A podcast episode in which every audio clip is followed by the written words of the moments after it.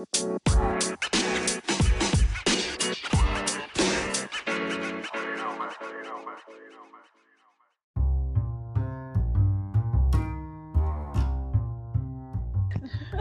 five, four, three, two, one. Oke, sorry. Assalamualaikum warahmatullahi wabarakatuh. Selamat malam. Waalaikumsalam warahmatullahi wabarakatuh.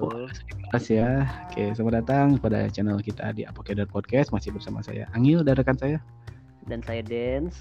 Halo guys. Oh, kita kedatangan bintang tamu juga pada malam hari ini. Boleh kena dengan Mbak siapa ini? Eh, panggil apa? Sis. Sis. Oh, aduh. Kan? Iya, Dari nama-namanya ini penjual-penjual online shop ini. Instagram peninggi badan ini. ya Eh, gitu Sampingan. Boleh kenalan dulu kali. Ini apa sih sehari-harinya? Ya sebagai upload Mm-mm. Di EKE apa Oh, di di di di di di di di Dia mana? dia dia yang taker deh dia. Oh, bukannya header ya? Bukan yang keder. Dia taker dia. Anda hobi sekali nyebut nama saya. Susah cuy. ya gue gue sebagai RE saat ini RE. RE. Apa tuh Are? Jadi, regulatory Oh, berarti. Regulasi. berkaitan atau dengan kalau tema kita malam ini ya. ya, berarti ya. Iya. Sangat berkaitan sekali. By the way kita malam ini bahas apa di? Hmm, nyebut nama mulu. Iya, pokoknya pada intinya sih yang mau kita bahas masih lanjutannya kemarin nih, part 2. Karena kemarin wah, ternyata yang antusias yang denger tuh luar biasa ya. Yang kita isinya dan kebodohan Iya. itu ya. Kebutuhan-kebutuhan kita akan disampaikan. Nah, sekarang kita kan udah janji nih mau undang yang memang capable di bidangnya. enggak Iya. enggak enggak enggak Eh BTW nih sebelum bahas ke sana kan kita tadi sebenarnya mungkin ada yang belum tahu juga nih. Kan lu nyebut diri lu kerjanya apoteker nih, tapi di bidang regulatory affair. Itu masuk apoteker ya? Masuk apoteker Luas ya ya. Berarti luas banget ya di ranah kerja. Apoketer ini. Oh, itu itu itu masuk apoteker.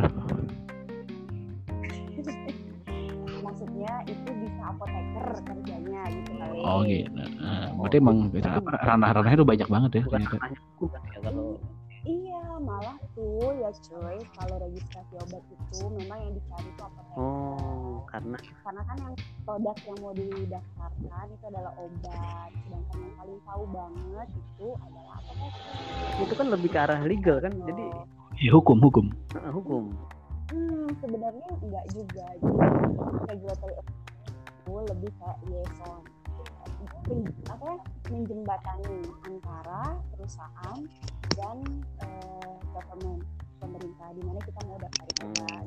Nah perusahaannya itu kan ada tuh niat mau daftarin obat apa, terus kan nggak mungkin dong ujuk-ujuk langsung daftar gitu. Jadi perlulah nih yang namanya posisi regulatory affair yang bisa dia membawa apa aja bahan yang dibutuhkan, eh dokumen apa aja yang dibutuhkan Hmm. buat didaftarkan di Kasarnya gini cuy. Hah? Gimana kalau kamu les aku nggak tahu medan ya kan? Iya. Iya, kalau orang hukum mungkin secara aturan runutan kerjaan tahu, tapi kalau medan obat kan dia nggak tahu ya kan, jadi nggak bisa ngeles-ngeles Hmm. untuk Iya. ya tolong jangan disebut bagian Ya. kelasnya Tetap, tetap tetap perlu ya. Iya, iya, perlu lah gitu Jadi memang harus orang-orang yang paham hukum, Yang paham paham. aturan dan paham produknya juga mungkin ya. jadi ranah pekerjaan apoteker itu di hulu ke hilir ya berarti ya. Hmm. Iya, iya benar. Kayaknya baru baca paragraf pertama. Keren banget, keren keren. Ya, yang jelas kalau Den sama saya masuk ke sana nggak akan bisa sih. Karena kita nggak nggak kenal hukum, nggak kenal aturan. Tahu lah anaknya. Apa itu? Lawless, lawless kayak kayak burger kan? Enggak juga juga dong. Semuanya itu bisa. Jadi learning by doing juga. Ya, oke lah. Emang Nah, jelas saya eh, menarik sih dan tapi yang jelas saya tidak berminat. Iya. Inggrisnya. Nih gue satu mau boleh, boleh, boleh.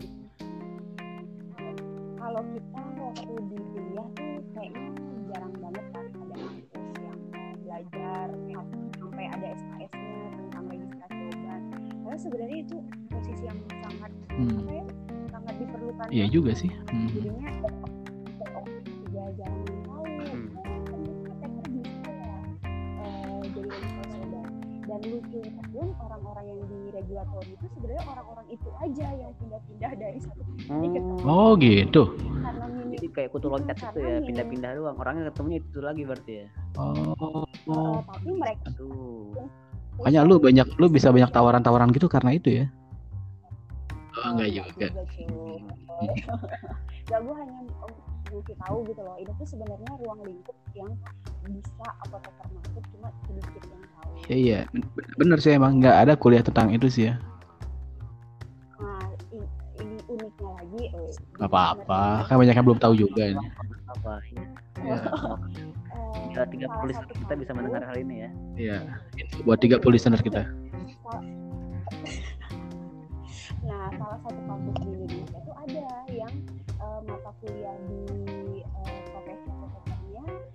ngajarin tentang kayak Oh, kampus apa tuh? Kampus apa tuh?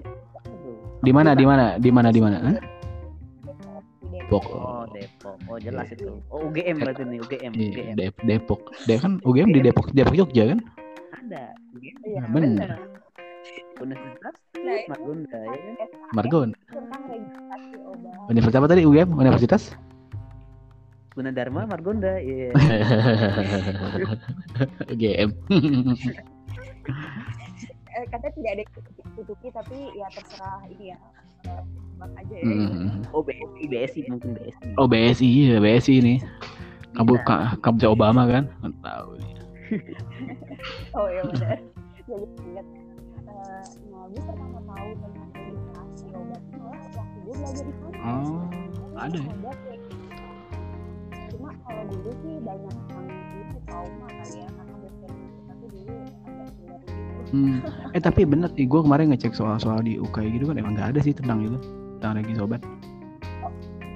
Nggak, nggak, nggak, nggak, nggak ada, nggak ada tentang registrasi obat yang alurnya itu, yang seribet ini tuh nggak ada, nggak dijelasin. Jadi bener, bener, bener juga sih ini kayaknya emang belum apa namanya, emang anak-anak tuh nggak paham juga tentang ini ya. Padahal keperluannya tinggi ya, keperluannya tinggi nih ya, kalau di industri. Kalau kalau nggak ada orang yang ngerjain ini berarti nggak ada obat-obat yang beredar ya kan? Oh iya ya. Dagang apa kita? Dagang apa kita? Janji, janji, janji doang. Kita mantap. Oke. Eh, dagang janji janji palsu doang. Oke, jadi pada intinya adalah kita bertemu mendapatkan narasumber yang tepat sekali ya. Oke, Oh, tepat.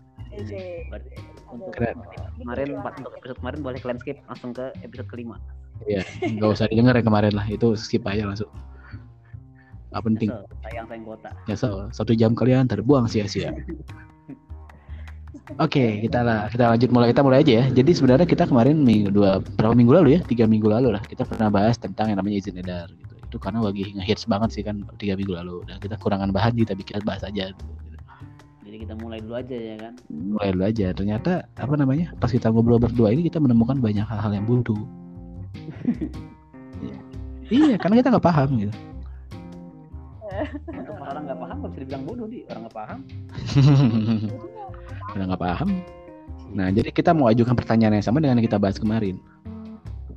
Nah oke pertanyaan pertama nih. Kalau lu lu yang kemarin dengerin gak sih? Ini ya podcast yang kemarin? Enggak Oh, oke. banyak Nah ini kita ulang nih, kita ulang pertanyaan ini. Jadi kita baca berita kan, eh, sesuai yang pernah ada di artikel yang lagi viral sekarang nih, ya, yang ada di medium.com. Wah siapa sih yang nulis ini? Viral sekali. Nah, Ih, iya itu bagus iya dong, bagus banget sih artikel. Nemuin sumber ya kan di medium. Iya siapa sih itu ya? Keren keren. Judul, Nah. judulnya, iya, judulnya nih sensasional banget nih judulnya. Apa tuh? Mengurai retorika asam manis. Waduh. Main ke Terawan. Nah kita pertanyaannya sama kita bahas kemarin. Ini kan Terawan mengatakan dirinya telah mengunjungi pabrik obat tradisional yang produksi minyak angin yang biaya produksi rendah menggunakan bahan baku alami, namun harga jual menjadi tinggi. Nah pertanyaannya nih, Mbak Sis ini ya, kenapa dia kepikiran tentang izin edar ini setelah mengunjungi pabrik minyak angin? Nah, iya. Nih, coba dari dari sisi Mbak Sis yang tiap hari Nah. ber Gelur di situ. hal-hal perizinan, apakah izin edar khususnya minyak angin ini sulit atau seperti apa sih kok Oh, baru harus- berkepikiran gitu ya? Kok harus minyak angin gitu? Nah itu dia. Nah, gue pengen anal- analisanya nih.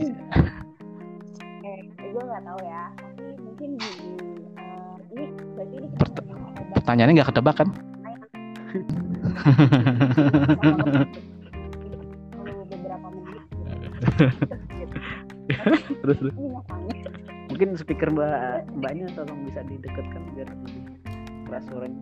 Nah stop. Kedengar? udah udah jelas jelas jelas Oke, ini mungkin ya. eh, itu kan minyak angin. Minyak angin itu anggaplah berarti obat yang bukan obat pada umumnya gitu Hmm. kan. Obat menurut tapi tradisional tradisional ya. iya. tapi itu lebih umum loh mbak dibandingkan obat pada umumnya itu lebih umum Iya, minyak angin Iya, iya. umum. umum banget di tas lu pasti ada kan enggak, gue gak suka bau minyak angin. Semacam kayak semacam kayak apa yang apa minyak minyak angin yang modern roll on roll on itu kan banyak juga kan di Eh, dia nggak main begituan di tas dia whisky oh ini cipas cipas kipas lanjut lanjut lanjut cipalas lanjut lanjut Woi. Nih, iyalah, oke lah. Yang orang tahu kan ya eh, obat itu maksudnya obat minyak angin, obat tradisional, jamu apalah Hmm. gitu. Ya kalau misalnya dia anggapannya adalah susah, lama kayak gitu. Emang ada sih di salah satu statementnya itu disebutin kalau obat kenapa cuma mau daftarin obat jamu aja kok lama kayak gitu. Hmm. Nah, karena emang di Indonesia ini mau kita itu daftarin obat jamu, jamu itu kan notabene di golongan obat tradisional tuh yang paling bawah banget kan, yang low risk banget kan. Hmm. Nah, itu terus itu hukum.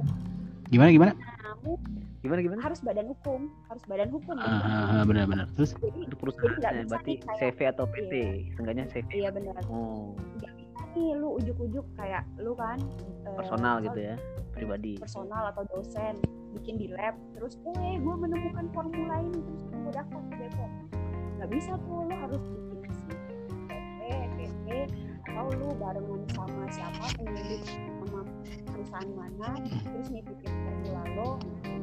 Hmm. dan orang-orang produsen minyak angin ini yang mungkin dari personal atau UMKM atau apalah itu karena dia dia cuma tahunya oh panjang terus harus bikin ini harus Hmm. bikin ini ya udah jadi bikinnya langsung lama kayak gitu loh. Hmm. emang tapi kalau kalau di negara-negara tetangga lah jangan jauh-jauh tuh tetangga kayak Malaysia atau- Timor Leste. Iya Timor Leste itu emang nggak nggak nggak nggak seperti itu juga gitu. Boleh pribadi atau daftar gitu boleh bisa. Eh, kalau untuk obat tradisional sih gue nggak tahu. Cuman yang gue nggak tahu sih. Kalau mungkin kayak di yang gue tahu Taiwan ya di Taiwan itu obat tradisional itu malah boleh tanpa eh, apa produsennya itu nggak punya GMP itu boleh CPO wih itu ya? Tapi kan kayak kayak tahu dia obat tradisional aja loh. Hmm. low risk ya? Setahu gue kayak siapa tuh waktu di yang di Malaysia tuh Wak Doyok itu kan? Waduh iya. Itu kan dia kan Emang beneran awal tradisional terus besar baru dibuat badan hukum kan. Mungkin Hmm. kalau di luar luar negeri mungkin bisa juga seperti kayak di Taiwan itu ya kan kita nggak tahu aja. Ya soalnya kalau nggak punya modal ya susah juga kan kalau bikin gimana dia. Benar makanya banyak sekarang Benar, benar, benar. itu kan yang asosiasi apa itu. Jadi dia bisa misalnya dari ada personal atau dari satu yang punya formula atau apa terus bisa didaftarkan lewat dia baru eh, dia yang Hmm, benar-benar. Nah ini nih bedanya kalau yang ngomongnya punya ilmu sama ilmunya kosong. Nah itu dia. Sama yang Iya. kuliahnya di depan gue. di depan kelas sama yang kuliahnya di di kantin. Iya. Udah pernah cerita kan gue duduknya di mana? Di pintu. Di mana lu duduk? Duduk Di di pintu, pintu. Lah gue suruh tutup pintu. Dari dari lu luar. Iya, gimana caranya coba kursi- sendiri karena kursinya udah penuh gue datang telat. Ya masih Oh, mending. masih mending. Coba tutup pintu coba tutup pintunya dari luar. Aduh. Ya udah. Ya udah baik kan? Eh, ya oke oke teh Di- tadi itu menarik sekali analisanya. Kalau analisa kita kemarin nggak sedalam ini sih. Kita cuma mikir apa kemarin? Kita mikir karena minyak angin itu adalah produk asli Indonesia. Iya kan? Karena di luar nggak ada wind oil iya kan? Cari lu coba wind oil. Nggak ada di luar. Kita mikir itu. Lu jangan-jangan lu lu jangan-jangan nih golongan orang yang men- menyebutkan masuk angin apa enter wind. nggak in in win in win. In win. Angin gua. Ya ya ya, oke. makanya gue suka pakai reject win reject win. Reject. Oh, itulah yang yang minumannya orang-orang pintar itulah pokoknya Iya, yang sampai yang bintang iklan sekarang bukan orang Indonesia kan? Bintang iklannya Reject Queen nggak nggak nggak nggak ngeh dia. oh gue Iya, pokoknya minuman orang pintar lah pokoknya Orang Indonesia dia. lanjut lanjut lanjut. yang tolong Oke. Oke. Kejawab ya. Tadi jawab inti inti jawabannya adalah karena memang prosesnya itu harusnya emang lama gitu ya. Hmm, terus Itu jadi kan jadi sampel aja. gitu nah jadi terus berarti yang ditawarkan sama dokter terawan ini menkes kita itu jadi apa sih untuk mempermudah si izin-izin Hmm. ini gitu? Untuk mempercepat yang kan Pak Presiden bilang kan jangan memperlambat Mm-mm. macam Eh, tapi sebelum ke sana penasaran dulu sih, itu sebenarnya yang bikin lama tuh apa sih? yang bikin lama? Ah, yang bikin lama tuh adalah evaluasinya bro. Coba coba lu sih lu, lu simulasi deh misalnya lu masukin satu produk ke apa ke BSI aja edar coba simulasi waktunya berapa berapa berapa nih buat proses prosesnya sebenarnya gini dia kan macam-macam tuh jenis Nah, yang paling gampang aja paling gampang. Paling gampang paling cepet. Paling cepet paling paling gampang. paling cepet. Itu Paling cepet lagi cepet perpanjangan. cepet. Cepet paling gampang paling cepet itu perpanjangan tanpa perubahan. Itu sekarang cuma 8 jam. Wih eh, jangan itu deh susah susah tuh terus yang setelah itu setelah itu yang yang agak dikit lebih? Yang agak dikit lebih hmm, hmm, itu ekspor. Jadi ekspor. misal kalau misalnya lu cuma mau ngedaftarin itu produk tapi nggak dijual di Indonesia. Heeh. terus lu mau langsung ekspor kan? Nah, itu cepet juga. Itu kalau nggak salah 7 atau 10 hari kerja gitu. oh. Dua minggu lah dua minggu ya kurang lebih. Nah ini kalau yang menurut lu nih ini 10 hari itu dipakai buat apa sih sebenarnya? Bikin lama-lama Evaluasi bukan? verifikasi Iya, bukan. gitu-gitu mungkin ya dari administrasi data gitu segala macam ya berarti ya. evaluasi apa sih? Soalnya kita sensitif sama yang namanya evaluasi tuh. Lu kira emang ospek? Ada evaluasi jadi tuh gini eh, kan di Bepom itu kalau kita ada mau daftarin obat kita ada yang namanya buku coklat. Apa? itu buku coklat. Buku coklat. Oh. jadi Oh ini ada nih yang di yang di mediumnya nih ya buku coklat buku coklat. Oh ada ya di situ ya. Gila, gila, gila. lengkap banget ya medium ini. Itu udah turun temurun ya kalau orang RE itu udah bilangnya itu bu- bucok waduh. Nah iya bener. Iya Ini iya Ini iya, jenis gorengan-gorengan itu di ya singkatan singkatan gue coklat cok Nah, mirip kan. bucok ini sebenarnya tuh adalah isinya adalah peraturan kepala POM tentang oh iya iya iya kriteria Heeh. kriteria dan tata laksana registrasi obat. oh itu satu satu buku tuh Oh, satu buku tuh sampai 200 halaman. Itu Allah. berapa berapa perka itu satu doang sih Satu Buset, satu doang berapa ratus hal Iya, satu perka. Jadi Waduh. dia itu kayak misal punya satu perka induk, terus nanti ada perubahan, perubahan. oh Aku Apa? amat Apa 200 halaman. skripsi Bapak berapa berapa halaman? Eh, Nah, di situ intinya cuma 20 kalah sama perka bepom skripsi gue ya itu menunjukkan keseriusan kan. Iya, benar-benar. bener gitu loh. iya lah coklat buku buku di bayangan gue buku coklat itu buku zaman kita SD sampul coklat yang dalamnya ki- kiki sidu gitu. Nah, bayangan gue tuh buku coklat tuh kayak buku-buku utang gitu, buku-buku utang-utang warung gitu. Beda ya tergantung background. Lu backgroundnya, lu backgroundnya apa modal-modal Nurdin nggak dibayar, eh mana teh punya utang Nurdin, eh. Belum belum dibayar, benar-benar. Oke, jadi itu di situ ya di buku coklat itu. Jadi bikin lama itu sebetulnya evaluasi, evaluasi coba kasih gambaran dong proses evaluasinya gimana sih? Nah, sebelum kita daftarin, namanya daftarin obat itu, kita tuh nggak langsung datang ke Heeh, tapi nggak KTP ini saya mau daftar, foto eh, sertifikatnya, oke tunggu ya, nggak kayak gitu. Kalau di kita memang ngumpulin dokumen, dokumennya itu pun harus ada standarnya. Oh, alah. ICH, nah, kita mau gitu mana. Tapi di uh, standar itu ada di sampai dokumen klinik dan klinik. Kalau misalnya ada baru dan masing-masing dokumen itu pun ntar detailnya ada lagi. Oh, alah. Ini gua gua gua baca di mediumnya sampai ada yang 300 hari kerja loh ya registrasi pertama obat baru Mandai, Hmm, 300 hari kerja itu 2 tahun ya? 2 tahun itu. hari kerjanya siapa dulu Oh Hari iya, siapa hari kerja siapa dulu ya? nah itu dia kalau hari kerjanya kan beda-beda Iya benar benar benar. Gua nggak punya hari lama, kerja. Pak. kok lama hari pak kerja PNS oh ya Iya. belum termasuk isu-isu terbaru dipotong sama tante kami Oh gitu. Hari kerja orang nor- hari kerja orang normal berarti. jarang 300 hari kerja cuy satu lebih itu kurang lebih Dua, dua tahun, dua tahun.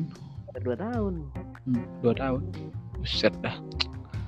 Jadi jadi ke- oke, jadi udah dapet intinya. Jadi sebenarnya mikir lama itu dievaluasi dan itu sebetulnya wajar ya. Kalau lu menurut lu ya. wajar nah, Wajar ya. wajar itu wajar nah habis evaluasi aja itu sebenarnya nggak langsung obatnya yes lu proses Eh, boleh eh, di diedarkan nggak? Langsung gitu.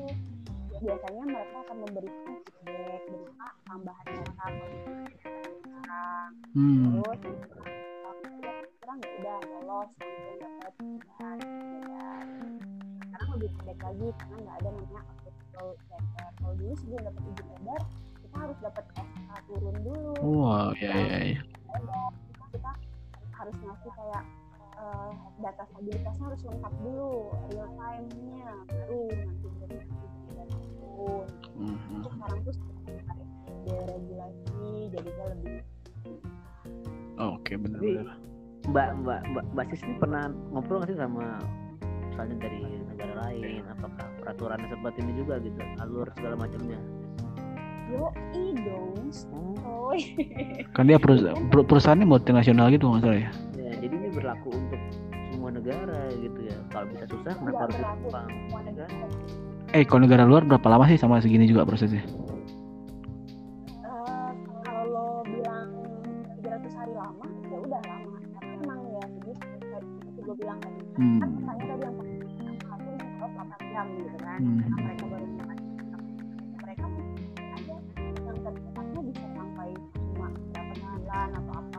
Hmm. karena eh, tapi memang waktu terlama tapi tapi nih tapi ya dengan kita spend waktu 300 hari kerja dan dengan investasi segitu besarnya sejauh ini hasil yang didapat itu secara dari sisi perusahaannya puas nggak sih gitu? Maksudnya nah nggak itu dia. nggak Secara ada komplain atau apa gitu. Ya hubungannya sama omset soalnya kan hubungannya. Hmm, benar-benar Eh, ini kan kita ngomongin obat ya. Heeh. itulah gunanya RI juga karena ada yang tahu timeline eh, obat itu berapa lama proses administrasinya jadi kalau misal RI itu sebenarnya selain ngedaftarin dia juga yang bikin account Oh. bisikin itu expect launchnya ini kapan? Nah berarti ya kita harus tahu kan ini kita harus dapat oh ini baru bisa dua tahun nih amat ini apakah kita mau data apa kita kumpulkan selama ini Jadi jadi emang bareng sama eh, marketing juga berarti. bisa Ya bareng sama marketing juga berarti kan buat bahas rilis new produk gitu kan. Ah, ah, ah, ah. Eh, tapi ya emang maksudnya kita kan udah tahu ya kalau RE kan udah tahu memang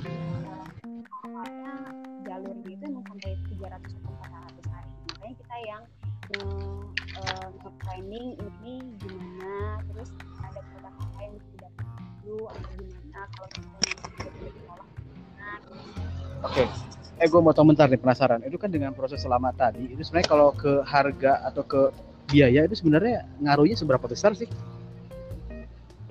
ke harga atau biaya Ya, biaya apa ya kan jadi kan jadi gini jadi gini kan dengan lu makin lama itu obat keluar berarti kan investasi lu kan ke pending kan untuk jadi kembali ke Iya. Bentuk Balik modalnya lama kan? ya nah itu dia jadi itu berpengaruh seberapa besar sih untuk saya makin lama kan berarti kan makin besar harus make hal itu gitu. ya berpengaruh seberapa, seberapa besar sih untuk jadi harga jual itu jadi mahal atau jadi murah gitu, gitu loh main persen berapa lah kira-kira persennya gitu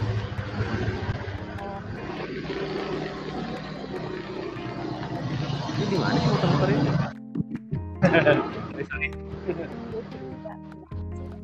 Iya nih. Kan zamannya carpool karaoke. Gue baik tuh Hah? orang kan carpool karaoke. Gue baik full podcast. Buset masuk kamar mah apa cuy. Latar ini main dari, main dari motor dulu. Kontrakan.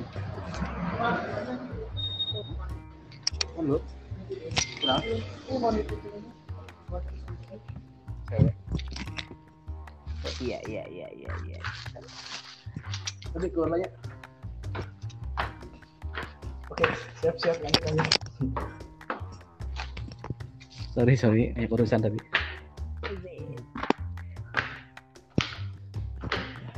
Tempat tinggal namanya namanya numpang kan. Namanya numpang ya, paham saya juga. Ya lanjut lanjut lanjut. Lanjut lanjut gimana mbak? Kalau gue jujur nggak tahu ya kalau secara misalnya eh, keuangan ya keuangan secara gimana tapi sih seharusnya mereka sudah memperhitungkan biaya operatif termasuk biaya operasional lah misalnya Hmm. ada penunggu tunggu tunggu kayak gitu atau gimana kalau soal biaya sih gue nggak tahu tapi sih harusnya nggak ada hubungan karena as obat dokumen itu lengkap dan dimasukkan ke Bepom itu sudah lengkap ya udah memang itu bagian waktunya mereka untuk mengevaluasi Hmm. bagian orang eh, Bepomnya emang itu waktunya mereka untuk meriksa gitu loh dokumen yang kamu kasih ini benar atau enggak Iya. Karena kenapa kita nanya gini? Kan itu statementnya Pak Menkes itu kan katanya obat mahal itu karena izin edarnya lama. Gitu kan? Ada, stigma, oh, ada ada Iya, ada, iya. ada ada stigma ya kan. Eh, Itu dipercepat berarti bisa menekan harga jual Obat. obat. eh, Nah, itu bener bener nggak sih kayak gitu? Bener nggak sih itu gitu Mau. misalkan nih ya itu jadi cuma kayak seminggu gitu jadi harga obat bisa bisa turun sekitar Iya. Gue 40%. pengen, kita pengen tahu jawabannya Mbak Asis ini nih. Kalau lu bilang salah berarti lu menentang menteri. Nah itu dia. Gimana itu? jadi gue gak boleh netral ya coy Tapi kalau lu bilang lu kalau lu bilang bener, kita akan bilang lu takut sama menteri. Nah. Dari mana lu? aduh sebenarnya sih kalau gue sih lebih ke bilang kayak nggak benar deh. Hmm, nggak sebab? benar kenapa? Nggak benar kenapa? Soalnya eh, yang ada di Indonesia ini sebenarnya bukan yang kita bikin sendiri gitu. Bukan Ini obat yang- kopi ya istilahnya ya. eh, eh, bukan yang ujuk-ujuk ini loh tiga emang harus 300 hari tuh. Karena ya kita kurang orang. Misal dari BPOM kita kurang orang jadi kita 300 hari nih bisanya. gitu. Dari itu. Nah masalahnya itu tuh memang common practice gitu loh. Eh, emang di FDA pun di kalau misalnya itu case-nya adalah obat baru. Eh, maaf mungkin ada yang belum belum tahu FDA itu. oke. Food, drug, Food Drug Administration. Oh betul ya. Kemarin teman saya nyamain sama DA soalnya. FDA DA. Narkoba narkoba inget. Oke lanjut. Nah itu jadi bukan yang kita kayak mengada-ngada gitu dan mereka juga kan eh, ini pasti selalu apa ya continuous improvement kan eh, dari WHO itu mereka memang eh, punya misal drug regulatory dari negara terus mereka ini udah atau enggak terus juga dinilai nilainya berapa ini? Udah bagus atau enggak?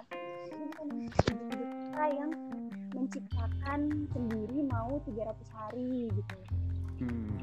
Jadi Dan meskipun itu obat itu meskipun obat impor gitu tetap lama juga ya. nggak bisa dibilang lama sebenarnya. Sebe- kan kayak gue bilang tadi eh, waktu evaluasi itu ada banyak jenisnya dari yang 8 jam tiga hari kerja hari kerja Mhm.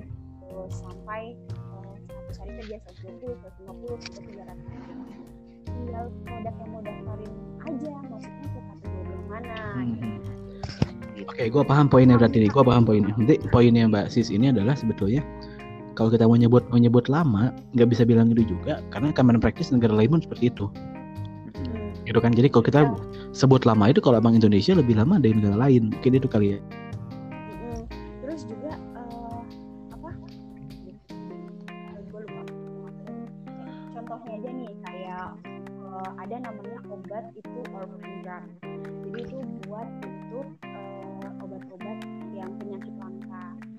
Atau yang benar-benar dibutuhkan kayak lah taruhlah kayak obat apa autoimun autoimun gitu ya kayak autoimun atau apa eh, kalau itu memang benar-benar dibutuhkan di satu negara masuk ke Indonesia juga kita sebenarnya ada Hmm. Oh iya iya. Iya, Karena karena kan dibutuhin ya. Ada kategori itu Buat langka-langka. Kalau sekarang sih yang langka ya orang baik. coba aja kalau di Indonesia kan malah obat-obat yang langka itu jarang didaftarin malahnya yang lain-lain gitu Hmm. Itu banyak bahkan ada banyak kasus tuh hand carry gitu kan langsung kan jadi kayak contohnya ilegal gitu dari luar negeri. Hmm, dari banyak juga. Dijualnya di MLM. Wah, jadi kalau misalnya lewat status dibilang WA misalnya dibilang lama ya oke lah kalau memang menganggapnya lama tapi apakah ada perbaikan ke depannya bisa kalau misalnya memang ada sekiranya ada proses-proses yang bisa dikat Oke. Ya jadi apalagi kalau kan biasanya ada, Hah? ada diteliti gitu kan di lab itu kan butuh butuh, butuh waktu juga kan juga. Oke, jadi gua paham poin sih sekarang. Jadi intinya dia lama itu sebetulnya suatu kewajaran karena proses evaluasinya lama ya prosesnya gitu dan itu ujung-ujungnya safety kan. Betul.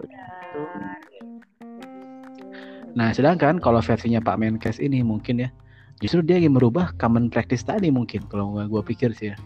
Hmm, tapi belum Tapi belum- kalau belum belum dijelasin ya detail-detailnya langkah belum dijelasin. Karena kalau melihat melihat karakter beliau kan dari zaman dulu kontroversi-kontroversinya kan begitu kan karakternya. tiba-tiba bikin Ya, dulu aja gitu Bikin kan dulu aja gitu dan seneng ngedobrak kan kayaknya. Kalau kayak kayak gue sih malah gitu. Jadi negara luar lama ya udah amat.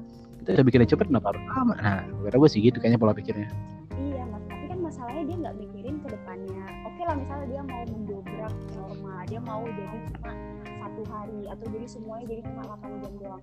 Masalahnya emang tujuan kita cuma mau obat tuh didaftarkan di Indonesia aja. Oke, oke, satu memang mau didaftarkan di Indonesia. Tapi kan kita juga mau eh, industri farmasi lokal, nasional juga mau ekspor kan. Kalau Hmm. misalnya kita aja tapi misalnya misalnya nih misalnya kalau itu ditekankannya di CPOB-nya yang baik di perusahaannya baik apa perlu kita lama-lama gitu jadi yang lama tuh malah di perusahaannya yang kita yang kita Oh, pro- prosesnya ya, prosesnya, prosesnya. tuh tidak bisa. ketika berjalan kita yakin gitu oh ini memang udah orang buat CPOB-nya udah yakin ya kan udah bagus Hmm. udah baik Mungkin nggak bisa karena orang dalam yang nilai kalau CPOB kan ya. tetap ada Hmm. pemantauan dari Badan POM untuk hal Iya. ini gitu Oh. kita, kita Jadi- catat proses produksinya gitu Jadi BPOM-nya turun sampai IPC. Wah, Hmm. mantap, mantap, mantap. Mungkin bisa seperti itu kan. Jadi kalau lama ya lu, orang lu yang lama bukan di gua bola. Jadi bola panas itu ada di perusahaan, bukan di Hmm. bukan di badan gitu. Bisa Bola- juga kan seperti itu kan. tapi nggak bisa juga kayak gitu oke lah sekarang ini kalau misalnya kita mau terapin kayak gitu ya CPOB-nya aja yang bagus Eh, kalau misal as long as lo, lo dapet sertifikat eh, CPOB ya udah kita percaya aja sama produk yang lo keluarin masalahnya kan satu pabrik aja bisa punya berbagai macam produk untuk satu sertifikat Oh, tadi maksudnya Mas Den bukan gitu, Mbak. Maksudnya tuh jadi yang BPOM itu turunnya justru IPC, Langsung iya. langsung jadi turun. langsung turun. Jadi. Nah, hmm, menur- mungkin nggak menurut mu- pemantauan. mungkin nggak menurut lo? produksi. Soalnya kayak sekarang kalau kalau BPJS kan mereka ngebayar buat verifikator kan. Mereka nugasin orang-orang buat jadi verifikasi di rumah sakit gimana biar lebih cepat jemput bola langsung gitu. Hmm. Ya kan? Nah, ini mungkin bisa juga harusnya ya. Jadi ketika itu dokumen masuk emang udah gue yakin perusahaan ini. Eh, udah- Jadi BPOM BPOM itu menugaskan orang buat jaga di satu di apa? Ada PIC per industrinya gitu ya. Ya, jadi kalau seperti mungkin Mbak Wah, Basis ini kan paham ya untuk ekspor impor. Jadi kalau bea cukai itu ada kayak namanya yang petugas bea cukai di kawasan berikat gitu. Hmm. Jadi panjang tangan dirjen bea cukai untuk di kawasan berikat masing-masing untuk melancarkan prosesnya. mhm. gila gila gila. Cepat. Hmm. Nih digaji berapa BPOM sih bisa begini-begini? Eh, Ya kan? ya kalau misalnya mau ada ya bisa aja mungkin Ya, jadi ya itu juga sebuah sebuah solusi gitu ya kan. Kalau melihat tipenya tipenya Pak Menkes sih kita tinggal bisikin-bisikin gitu kecil-kecil gini aja. Ntar kepikiran, oh iya juga ya. Nah, ya ya beberapa ayo kita bikin aja nah, gitu kan. jadi mungkin CPNS tahun sekarang mungkin ditambah kan formula formasi Bepom jadi win-win solution ya kan solution aduh tapi aduh pak tapi sebenarnya gue terkait retorikanya Pak sebenarnya Pak Menkes itu gue sebenarnya mau positif mungkin aja beliau itu maunya kayak cuma pendelegasian kali ya kayak oke di Bepom tapi terus nanti Bepom bilang oke ini oke. Ya udah nanti tinggal eh, Menkes aja yang ngeluarin izinnya Hmm. tapi ya kalau itu Hmm. kalau kayak gitu doang sih cuma pendelegasian jadinya ya tetap aja sama aja oke mungkin prosesnya nggak sesimpel itu sih pasti ada langkah yang udah mateng di Hmm. bukan dari Oke. Nah, Jadi seru ya, kita udah bahas berapa menit nih? Bahas ini doang, 30 menit. Tadi 10 menit doang nih. Oke, thank eh, satu segmen kita, kita break dulu bentar ya. Kita break dulu bentar. Eh, kita udah bahas banyak tentang izin edar di Bepom terutama tadi ya. Nanti mungkin segmen kedua kita akan bahas banyak tentang versi Kemenkesnya nih. Karena itu kan ada ditunggu-tunggu sebetulnya. ya. iya. Oke, emang kita ada teman dari Kemenkes nggak hadir di podcast ini Oh iya boleh sih. Nanti nggak nggak ada hari ini sih. Kita nanti kita undang lah. Kita perlu beliau untuk menambah follower kita ya. ya bener-bener Oke. benar itu namanya pansos ya kan di mana aja ya kan Pansos kan, beres semua. Oke, kita break dulu sebentar nah. Nanti kita tetap di channel ini tetap dilingin aja ya. Kita break dulu sebentar untuk ya minum-minum aja sebentar. ya, ya gue minum dulu ya ya oke Boleh, ini Cipas nungguin Cipas nih. Oke, see you. Stay tune.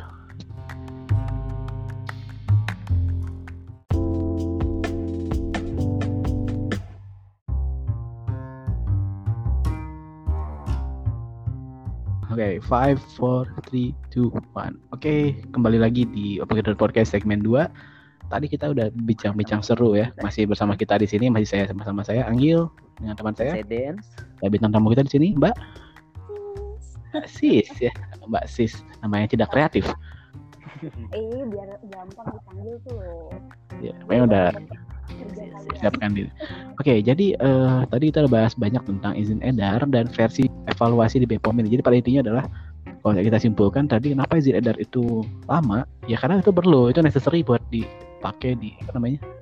buat keamanan jawabannya masyarakat, untuk melindungi masyarakat melindungi masyarakat. Oke, nah sekarang tadi kan tema tema keduanya adalah izin edar ini akan dipindahkan ke Kemenkes. Sebenarnya seperti itu. Sedangkan di regulasi emang ada katanya kan tapi regulasi tahun berapa gitu kan yang mengatur bahwa itu keluar oleh menteri yang delegasikan. undang-undang itu ya Nah, Oke, sekarang pendapatnya Mbak Asis nih. Kalau seandainya izin edar ini benar jadi dipindahkan ke BPOM dan kita lihat berita sejauh ini tidak ada yang menolak dari BPOM maupun dari Kemenkes, berarti kan bisa dibilang ini mungkin agak positif nih arahnya. Akan ya mungkin akan akan tetap jadi pindah ke Kemenkes. Kira-kira dampak apa yang akan terjadi dari sisi Kemenkesnya, dari sisi BPOM-nya, dari sisi produknya, dan dari sisi konsumen, perusahaan farmasi transformasi dan konsumen. Nah, gimana nih? Kalau- kalau dari perusahaan farmasi eh kalau misalnya pin- pindah ke kementerian terus jadi lebih cepat ya Nggak tahu kan ini kalau pindah aja. Apa yang dampaknya gimana tuh? kalau pindah dulu kalau pindah dulu lah Kalau pindah. kalau pindah dulu kayaknya semua akan ribet apalagi oke soalnya gini Hmm. hmm, sekarang itu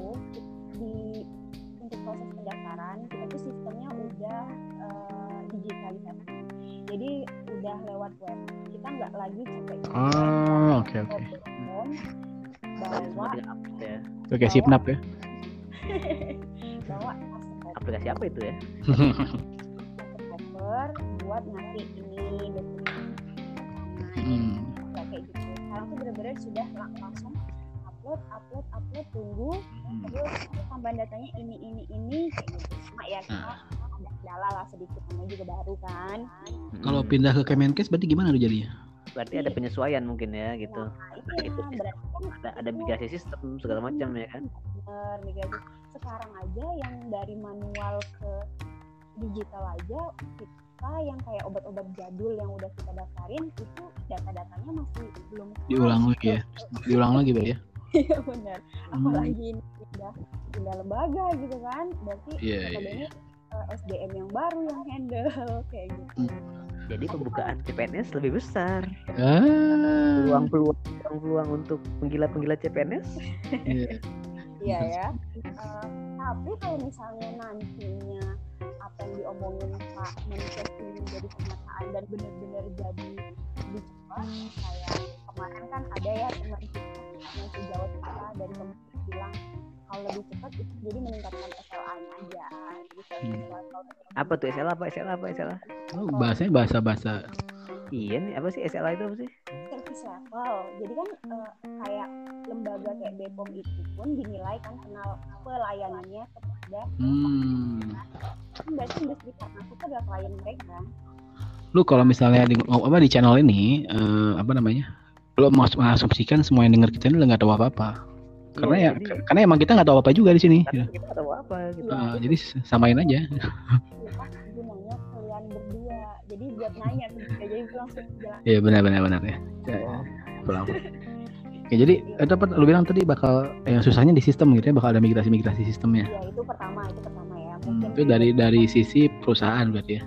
Kebayang sih cuy. Ya kebayang. Bahkan tukang mie ayam depan badan pom bakal sepi cuy. Oh iya.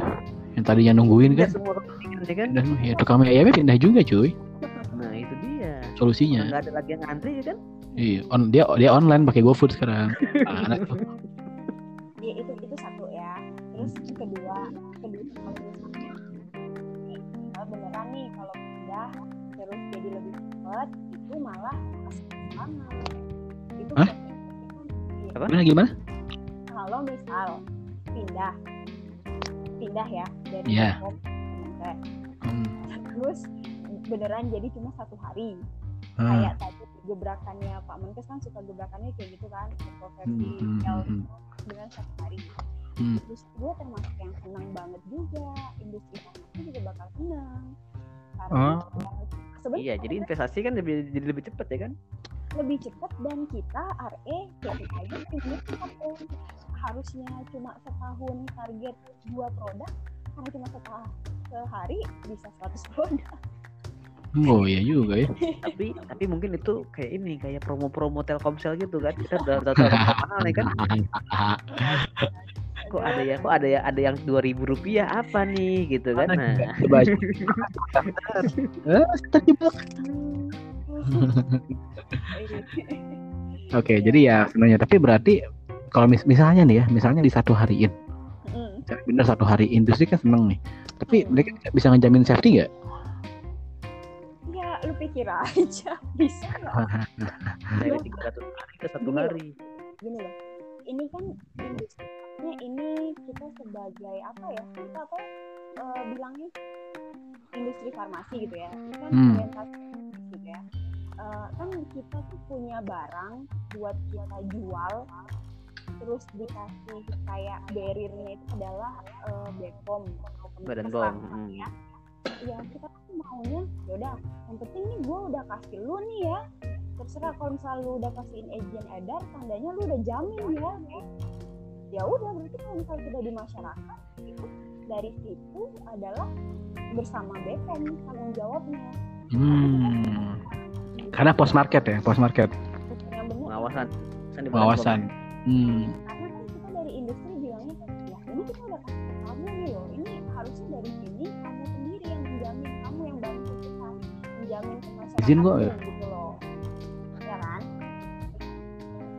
nah Hmm, namanya benar. money Benar, oriented. gimana caranya yang money oriented ini nggak sampai ke masyarakat jadi sampai membahayakan ada lembaga-lembaga itu kan buat dia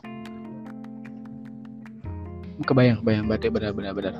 Jadi ini sih kalau menurut gue ya akan kerugian besarnya mungkin di Bepom ya kalau gini. Ya, lah. Kalau kan dia mau nggak ngelepas juga nggak bisa, mau dilepas juga nanti kalau ada apa-apa kan dia juga kena karena penguasa ngambilin dia.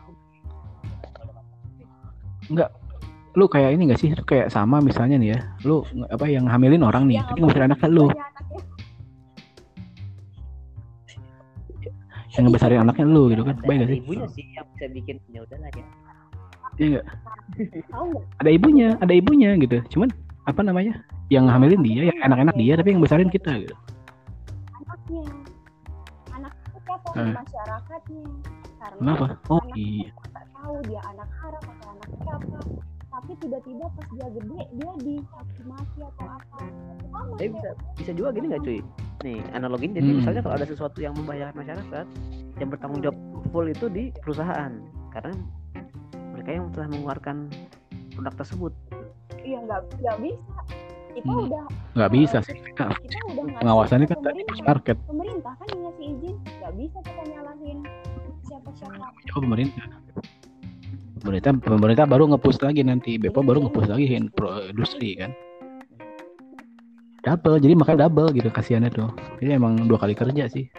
Kalau gue sih jadi kasihan gitu kayak secara kerjaan akan lebih ringan mungkin ya Hmm. karena di registrasi di awal itu akan hilang.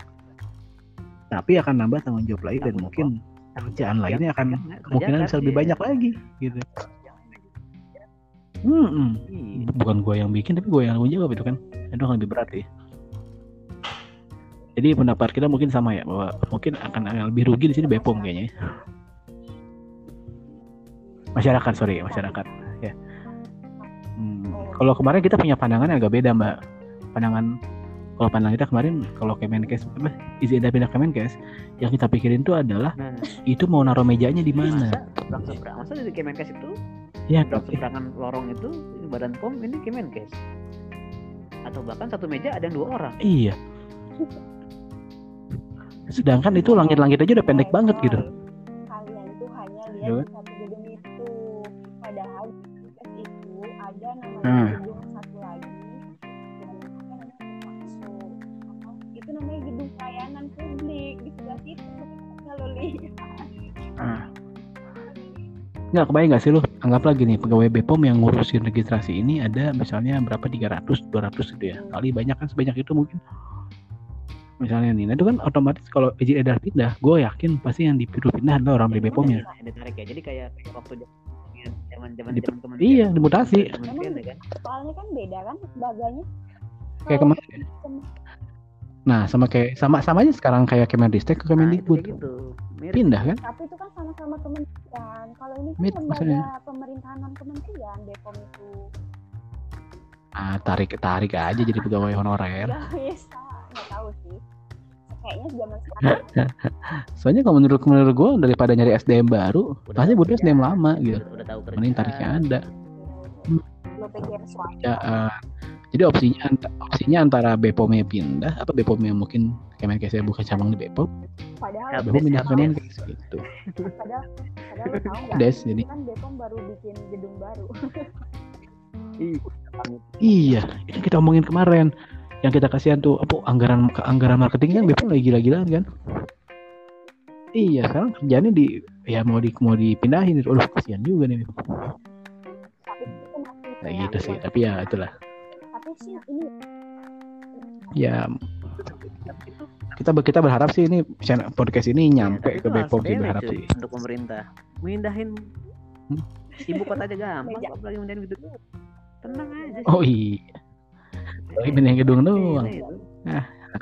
anak kampung anak kampung loh apa sih yang nggak bisa di pemerintahan sekarang ini Ya, Iya, kita berharap kita berharap ini akan pindah eh, channel ini nyampe ke Bepom karena kan anggaran pemasaran lagi lagi tinggi ya. Gitu. Mudah-mudahan mereka Kali bisa mengendorse kita di sini. Gitu.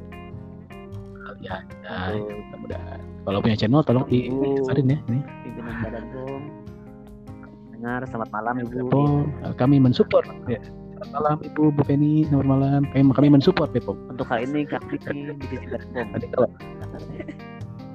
Ya, tapi kalau nanti Kemenkes anggaran besar juga kita pindah sisi. Ya Gimana gimana anggaran bisa, marketingnya? semua bisa dibicarakan bisa dibicarakan. Barangkali perusahaan yang perusahaan yang basis ini juga mau promosi boleh.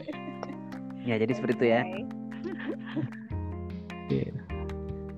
Ya, oke jadi menarik nih. Ada kita dapat dua poin ya. Tadi udah dari sisi apa namanya? Dari sisi produk, dari sisi konsumen dan dari sisi dari institusi yang berhubungan yang Bepom sama Kemenkes mungkin akan rugi secara bukan rugi sih ya, akan mengalami kesulitan-kesulitan material gitu ya.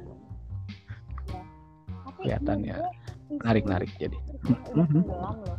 Jadi kayak orang tuh memang mikirnya "Kok tiba-tiba ada isu ini, ini kenapa? Ap- Apalagi pas isu ini muncul tuh lagi rame-rame BPJS sih. Nah, itu dia. Terus tiba-tiba dia hilang. Iya, dia hilang ini isunya. ya, namanya kita di zaman post truth gini kan yang yang Ini makin kan viral makin ini Post apokalips. Iya, jadi apa namanya? Udah ya maksudnya isunya ini gini hilang dan kau gue gue baru gue baru cek berita nih, gue baru cek berita di apa Google Google News terakhir last update berita itu adalah empat hari lalu. Artinya sama empat hari itu. terawan izin edar, iya keywordnya terawan izin edar terakhir empat hari lalu. Berarti sama empat hari ini nggak ada berita ada berita baru. baru ya jadi ya ada berita baru. Basi. Ya udah. Dan sampai empat hari lalu beritanya masih yang kita- lama. kita, kita tunggu Paling baru satu bulan dua bulan ke depan Mm-mm. ada update Udah. Nah, jadi kelihatannya kalau gue lihat terus nah, ada yang menarik nih. Ada yang menarik itu adalah tulisannya gini. KB Pop menolak enggan mengomentari. Hmm. kepala badan pom menolak Ya, enggan eng- eng- apa enggan mengomentari, enggan ngasih komentar gitu. lah katanya ada yang bilang berita ibu Penny nggak nggak merasa keberatan Iya, jadi nggak mau komentar kayak udah aja gitu. Jadi kan kayak ada wah, apakah sudah diatur di belakang ini? Harus setuju Jadi gitu. Iya kan? buat skenario seperti apa ya kan Nah, biasanya kalau pola-pola kayak gini kayak kemarin-kemarin masalah tarif listrik lah. Awal muncul, tiba-tiba hilang, itu biasanya akan ada sesuatu yang mendadak. Munculnya mendadak nanti, ya nggak sih? Eh, kita lihat aja. Jadi dan mungkin berapa dalam berapa minggu ini beberapa bulan lagi akan muncul tiba-tiba pengumuman itu mendadak dan lebih viral lagi pasti. Hmm. Mungkin ya analisa-analisa ya tanpa otak inilah. Oke, jadi udah bahas tentang dua dua masalah nih kemarin. Tentu dari mulai sisi apa namanya tadi produk dan dari sisi institusi. Nah sekarang pada akhirnya yang belum dibahas itu sebenarnya satu lagi masalah harga. Jadi kan tetap muaranya Pak Menkes ini kan mau nurunin apa namanya ngilangin izin ini kan buat nurunin harga. sebentar cuy sebentar cuy ada kelelawar masuk rumah gue cuy Hah? ada kelelawar Ada apa? kelelawar Rumah lo di kebun atau di mana sih? Batman kali Batman. Hati-hati cuy, lagi lagi viral-viral Buningsih gitu sekarang. Apa? Buningsih, oh lu nggak ini ya? Nggak Tidak tahu. update ya? apa tuh? Search- searching di net Ya di net TV. Buningsih, Ningsih. Oke ini gue langsung Google. Gue nih. Ningsih Tinampi. Oh? Langsung viral. Viral lagi viral itu. Dukun Sakti. Langsung ada alamatnya. Google Map. Langsung ada alamatnya dan itu langsung apa namanya jadi acara channel di net TV. Mantep kan? Mungkin ada kelawar kiriman itu kan hati-hati. Lu update kayak gini karena lu ngajar farmasi klinik ya? Ah, emang saya kerjaan saya ngajar. Ya.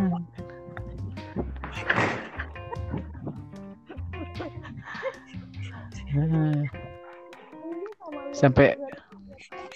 Jadi sa- sampai sampai episode sampai sampai episode 5 kita belum pernah bahas, bahas kerjaan saya apa. Kerjaan Mas Bin belum belum pernah dibahas ini. Aduh maafkan.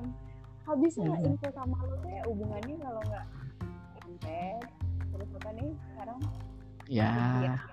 banyaknya begituan di sini. ini ya Mas Mas Den oh dia lagi ngusul kelawar ngusul kelawar. gue tetap dengerin Oh, sambil dengerin. Tapi ada suara-suara sapu-sapu dulu tadi. nggak ada Pakai sapu nggak zaman. AK47 pakainya. Ngusil kelawar. Oke, jadi tadi masalah balik lagi ya masalah harga nih. Sebenarnya kan poin akhirnya tuh itu gue baca-baca dari yang lu bikin kan itu instruksi instruksi Pak Jokowi ya. Hmm. Instruksi Pak Jokowi emang menurunkan harga kan, mempermudah birokrasi, Enggak, ya kan? cuma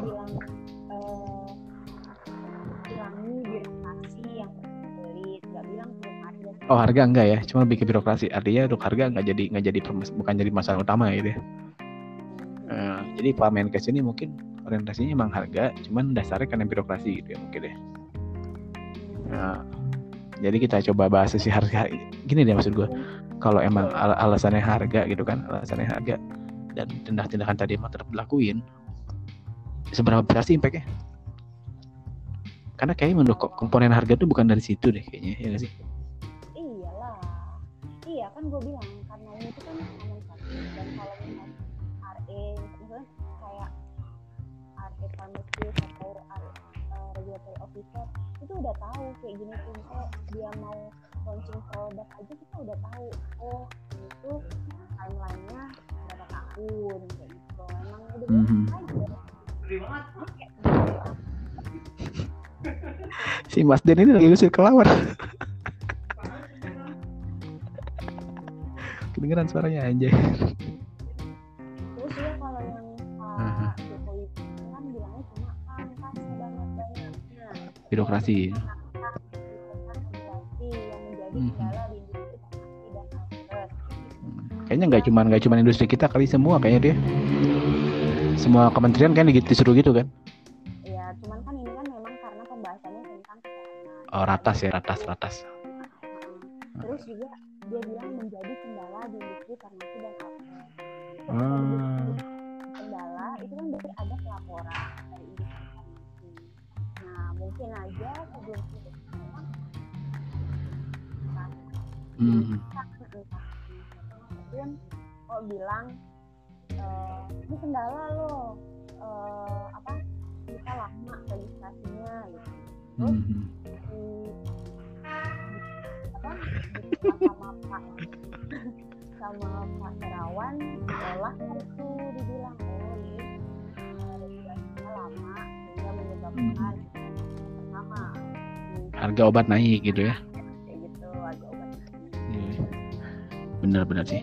lagi kalau maksudnya nama harga naik itu kan banyak poin ya kalau Hmm. pasti bahan baku lah Iya, itu kan sebenarnya poin utamanya. Jadi kayaknya nggak begitu, im- impactnya nggak begitu besar ya.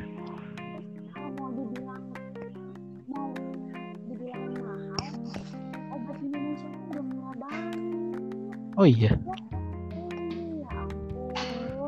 di salah satu di salah satu artikel yang di sini nih gue nggak liputan enam apa yang bahas nih. Katanya menjelasin mahal. bukan bahan baku obat Obat iya obat, obat dia nggak ngasih contoh apa kemarin gue lupa di sini. Itu eh, tergolong yang mahal katanya. obat Obat. memang mahal kalau misal dia beli yang bermerek inovator Hmm.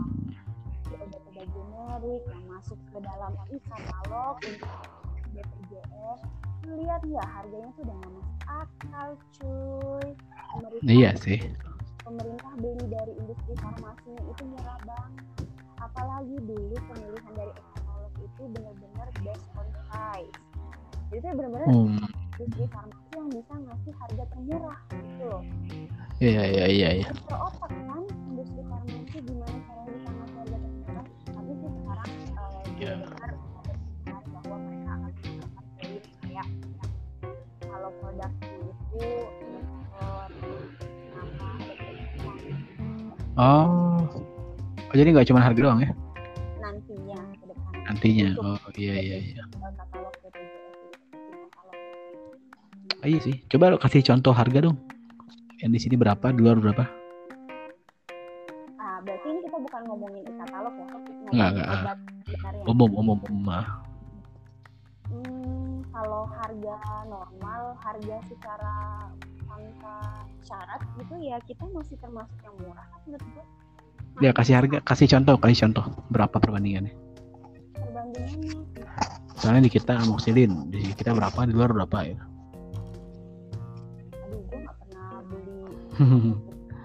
nggak pernah kabur karena beli obat kan nggak boleh ya. iya sih. Ya apa obat apa pun deh yang umum di kita, paracetamol lah. Lalu, sama. ah, nggak jauh, jauh beda berarti. Iya nggak jauh beda. Kalau gue Yang- Malaysia ya.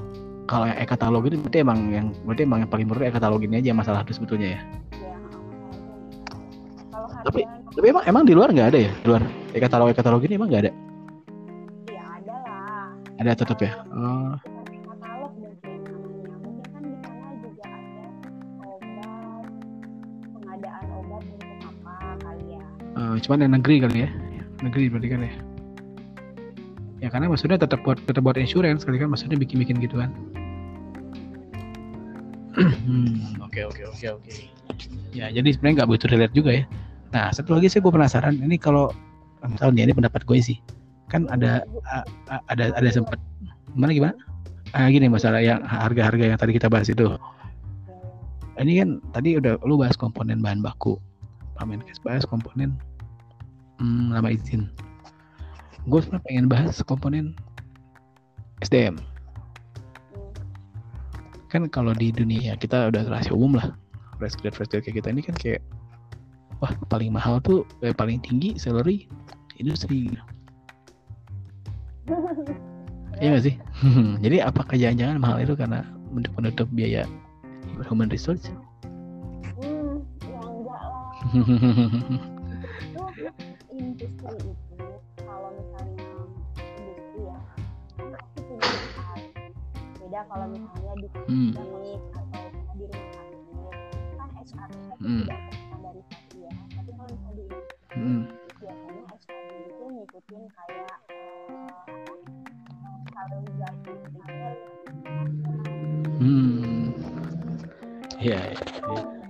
itu udah masuk budget sebetulnya. ya. eh, dan mereka sebenarnya udah masuk budget Hmm. Iya, iya. iya. Jadi nggak nggak benar juga kalau bahas SDM ya. Soalnya kemarin pas bahas-bahas ini mungkin nyambung ke wartawan lagi ya. Mm-mm. Sempat ada statement kemarin udah bahas BPJS masalah BPJS kan. Defisit defisit BPJS kan banyak di banyak pihak yang apa namanya meny- menyalahkan gaji terlalu besar gitu kan. itu gaji ini kali gaji direksi direktur sama sama ini lah sama apa ya nggak nggak masuk akal kalau fresh grade gitu. Oh sama fresh graduate ya? Kalau itu sih gue nggak tahu. Iya. Yang makanya sempat dibahas masalah itu jadi katanya ini gaji tinggi tuh apa namanya bayar BPJS defisit mungkin pakai buat nutup nutupin SDM gitu. Gitu jangan di industri juga sama. Soalnya kan enggak ya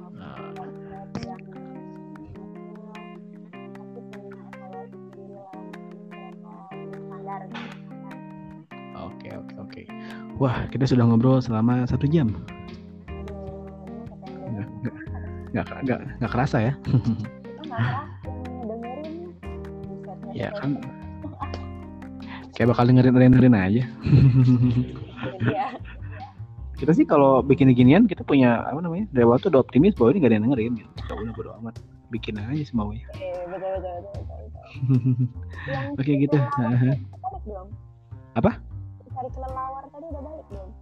Oh belum. Udah udah live udah, udah live nih. Kalau gede kalau kalau lawarnya gede kayaknya. Kalau tadi gue keinget tadi kan kalau di luar negeri gimana? Ekatalog atau apa kayaknya Ah. kan mereka ada ekatalog tapi mereka mungkin ada fitur sendiri. Soalnya Ah. biasanya eh, obat-obatan yang disubsidi sama pemerintah itu biasanya untuk militer. Oh iya jadi iya. itu sendiri lah ya mereka punya apa namanya sistem coverage sendiri mungkin yang udah ngejamin obatnya juga gitu ya. Padahal BPJS kita tuh salah satu penghargaan terbaik sih. Iya benar. Iya kan? Dalam iya dalam dua tahun tiga tahun lah maksudnya dalam dua tahun tiga tahun bisa dapat lebih dari 50% loh. Itu ngalahin ngalahin ngalahin US sih walaupun US emang kacau kan. Coverage Iya. tapi makanya kalau bicara ini sebenarnya jangkauannya BPJS tuh keren sih cuma masalah masalah apa budgeting aja kayaknya yang kemarin masalah oh jadi bahas BPJS sih Iya. Boleh lah tuh nanti dibahas. nanti next Eh, episode next episode Iya, gue pernah eh, mengunjungi ini negara lain kan, Ah, lembaga apa? punya pengalaman ya pengalaman ya Lembaga BPJS negara lain dan Hmm. tentang. Ya, sebenarnya kita tuh sudah on the right track, cuman pengelolaannya aja yang hmm. ini kayaknya bisa bisa buat berapa panjang guys eh, betul-betul. jadi kalau saran lu saran lu nih kalau kita perpanjang part-part ini masih relate nggak? Ya nanti udah udah case close kayaknya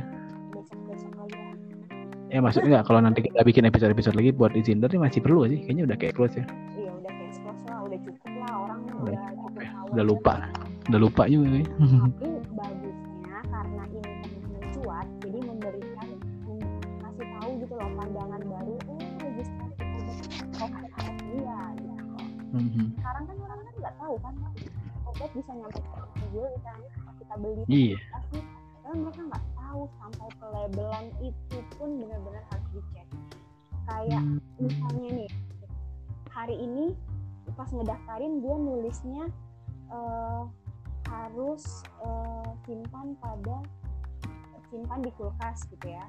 Terus Hmm. tiba-tiba gue ganti. Kayak gue nulisnya simpan di bawah suhu 30 derajat. Nah itu tuh gue bisa ditarik kok obat gue sama Hmm. BPOM karena beda ketika daftar sama kok pas jadinya di pasaran kayak gini itu bisa sampai ditarik gitu. Hmm. karena ketidaksesuaian label label doang loh Iya, karena kita kemarin udah ngasih pendapat, sudah ngasih statement. Kalau pandang pandang kalau pandangan Mas Den ini sebagai yang dulu sering berkaitan bergelut sama Bepom gitu ya, kita sudah iya sering dulu. Ya, kita tahu sering gue kita tuh akui bahwa institusi salah satu institusi yang paling bersih di Indonesia ya Bepom. Ya. Kalau kita ya kalau bicara institusi-institusi apa namanya pemerintah pemerintahan ya paling bersih ya malah Bepom. nih nih cerita lagi Hmm. Eh, kalau obat mabuk juga itu didaftarinnya di Bepom sekarang gue Hmm. tanya tau nggak obat daun didaftarinnya di mana Oh nggak tahu di mana sih? nah itu di departemen pertanian Oh serius, nggak? serius pertanian. kan? Baru tahu. Iya.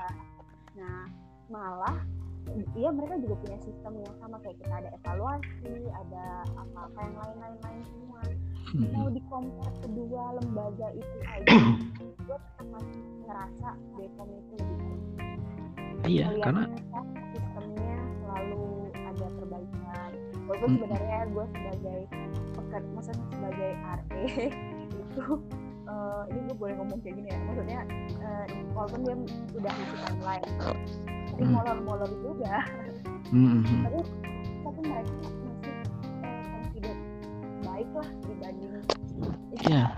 Soalnya indikator paling gampang aja ya. Ini paling gampang itu adalah menolak oleh-oleh. Serius itu nggak pernah kayaknya institusi nggak pernah deh gitu bahkan ada rangsangan saya minta kan mana jatah gue kalau dikasih nggak mau gitu ya, kayak ini satu indikator sih itu kalau gue sih Gue ya, ya. kita muji-muji lagi nih. Tolong disampaikan ya. Di punya channel di sana nih ada podcast yang muji-muji Bepom. Terus kata orang Bepom lu nggak tahu aja jalan belakangnya. Ya kita kan baik-baik ya di sini ya. Silakan Bepom alhamdulillah sudah 30 listener. Kali. Impact impactnya besar buat citra Bepom. Kan tiga ada 30 orang yang mendengarkan. Iya. Kalau datang inspeksi pun kita kasih oleh-oleh gitu Heeh.